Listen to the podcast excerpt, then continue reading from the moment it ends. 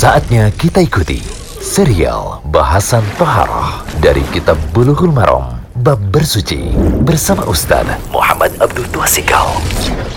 Alhamdulillah, salatu wassalamu ala rasulillah wa alihi wa sahbihi wasallam. Kali ini kita berada di audio ke-68 dari pembahasan kitab Bulughul Maram, kitab Taharah. Hadis ke-121. Setelah kita melihat tata cara mandi junub dalam hadis Aisyah dan Maimunah, keduanya istri Nabi SAW, kali ini kita lihat lagi pembahasan tata cara mandi junub juga dari istri Nabi SAW yang lain, yaitu Ummu Salamah. Ini menjelaskan tentang apakah ikatan rambut itu perlu dilepas ataukah tidak. Apakah ikatan rambut perlu dilepas ataukah tidak? Karena ini pertanyaan ini ada karena agak sedikit merepotkan ibu-ibu kaum muslimah ketika mereka itu dalam keadaan junub atau suci dari haid kalau mesti dilepas.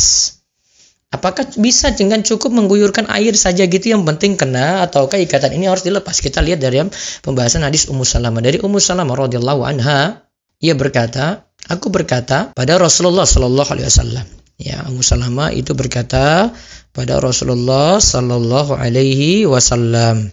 Wahai Rasulullah, ya Rasulullah, ini imra'atun asyuddu sya'ra ra'si. Wahai Rasulullah, aku adalah wanita yang biasa mengikat rambutku. Kalau dikatakan mengikat rambut, berarti memang rambutnya itu biasa dalam keadaan terikat ya untuk Ummu Salamah, istri Nabi Shallallahu Alaihi Wasallam. Ya, di sini katakan asyuddu. Aku adalah wanita yang biasa mengikat asyuddu, ya, yaitu mengikat rambut. Asyuddu sya'ra ra'si. Aku adalah wanita yang biasa mengikat rambutku. Lalu, afa angkuduhu li ghusli janabati wa fi riwayatin wal haidati. Apakah aku harus melepas ikatan rambut tersebut saat mandi haid dan mandi junub sekaligus? Apakah ikatan rambut tadi mesti dilepas?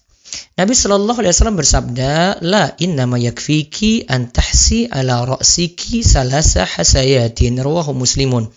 Nabi Shallallahu Alaihi Wasallam bersabda tidak perlu melepas ikatan rambut saat mandi Cukup bagimu mengguyurkan air di atas kepalamu sebanyak tiga kali cedok, yaitu ukuran kedua telapak tangan penuh berisi air. Diriwayatkan oleh Imam Muslim. Kesimpulannya, faedah hadis melepas ikatan rambut tidaklah wajib bagi wanita saat mandi junub maupun mandi haid. Tidak wajib karena adanya masyakkah kesulitan. Lebih-lebih lagi untuk mandi junub karena bisa sering dilakukan. Karena bisa sering junub. Cukup bagi wanita ketika mandi wajib untuk mengguyurkan air ke kepalanya. Inilah pendapat jumhur ulama. Kemudian yang kedua, khusus mandi setelah suci dari haid. Ada dua pendapat mengenai masalah melepas ikatan rambut. Pendapat pertama dari jumhur ulama Hanafiyah, Malikiyah, Syafi'iyah dan satu pendapat dari ya, dalam mazhab Hambali bahwa melepas ikatan rambut saat mandi haid tidaklah wajib. Ya, tidaklah wajib. Ini menurut jumhur. Pendapat kedua dari pendapat mazhab Imam Ahmad yang masyhur bahwa wajib bagi wanita melepas ikatan rambut saat mandi haid. Allah alam pendapat yang terkuat adalah tidak wajib melepas ikatan rambut untuk wanita yang mandi setelah suci dari haid. Pendapat ini dikuatkan dengan hadis Aisyah radhiallahu anha. Aisyah radhiallahu anha mendapatkan berita bahwa Abdullah bin Amr radhiyallahu anhu memerintahkan para wanita untuk melepas ikatan rambut saat mereka mandi wajib. Aisyah radhiallahu anha lantas berkata, "Ya ajaban li ibni Amr hadza."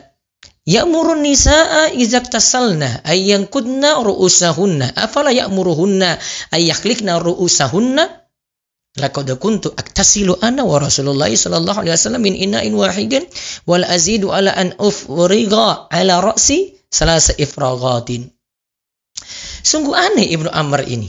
Ia memerintahkan para wanita untuk melepaskan ikatan rambut saat mandi.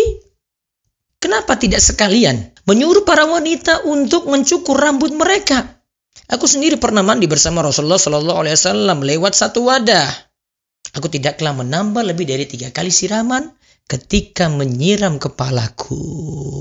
Dikatakan di sini cuma disiram tidak disuruh lepas ikatan rambut karena Aisyah sedang menyangga Ibnu Amr yang menyuruh untuk melepas ikatan rambut tadi. Di sini cuma menyiram kepala tanpa Aisyah itu kepangannya ikatan rambutnya itu dilepas. Kesimpulannya eh, disunahkan melepaskan ya, dianjurkan saja tidak sampai wajib. Ya, kalau untuk mempraktekkan untuk mandi haid, iya sebagian pendapat ada yaitu pendapat dari Imam Ahmad, namun jumhur ulama mengatakan itu tidak harus. Jadi antara mandi junub dan haid sama saja ada keringanan untuk tidak melepas ikatan rambut. Semoga ilmu ini bermanfaat. Demikian serial bahasan Toharoh dari kitab Bulughul Maram Bab Bersuci bersama Ustaz Muhammad Abdul Twasikal.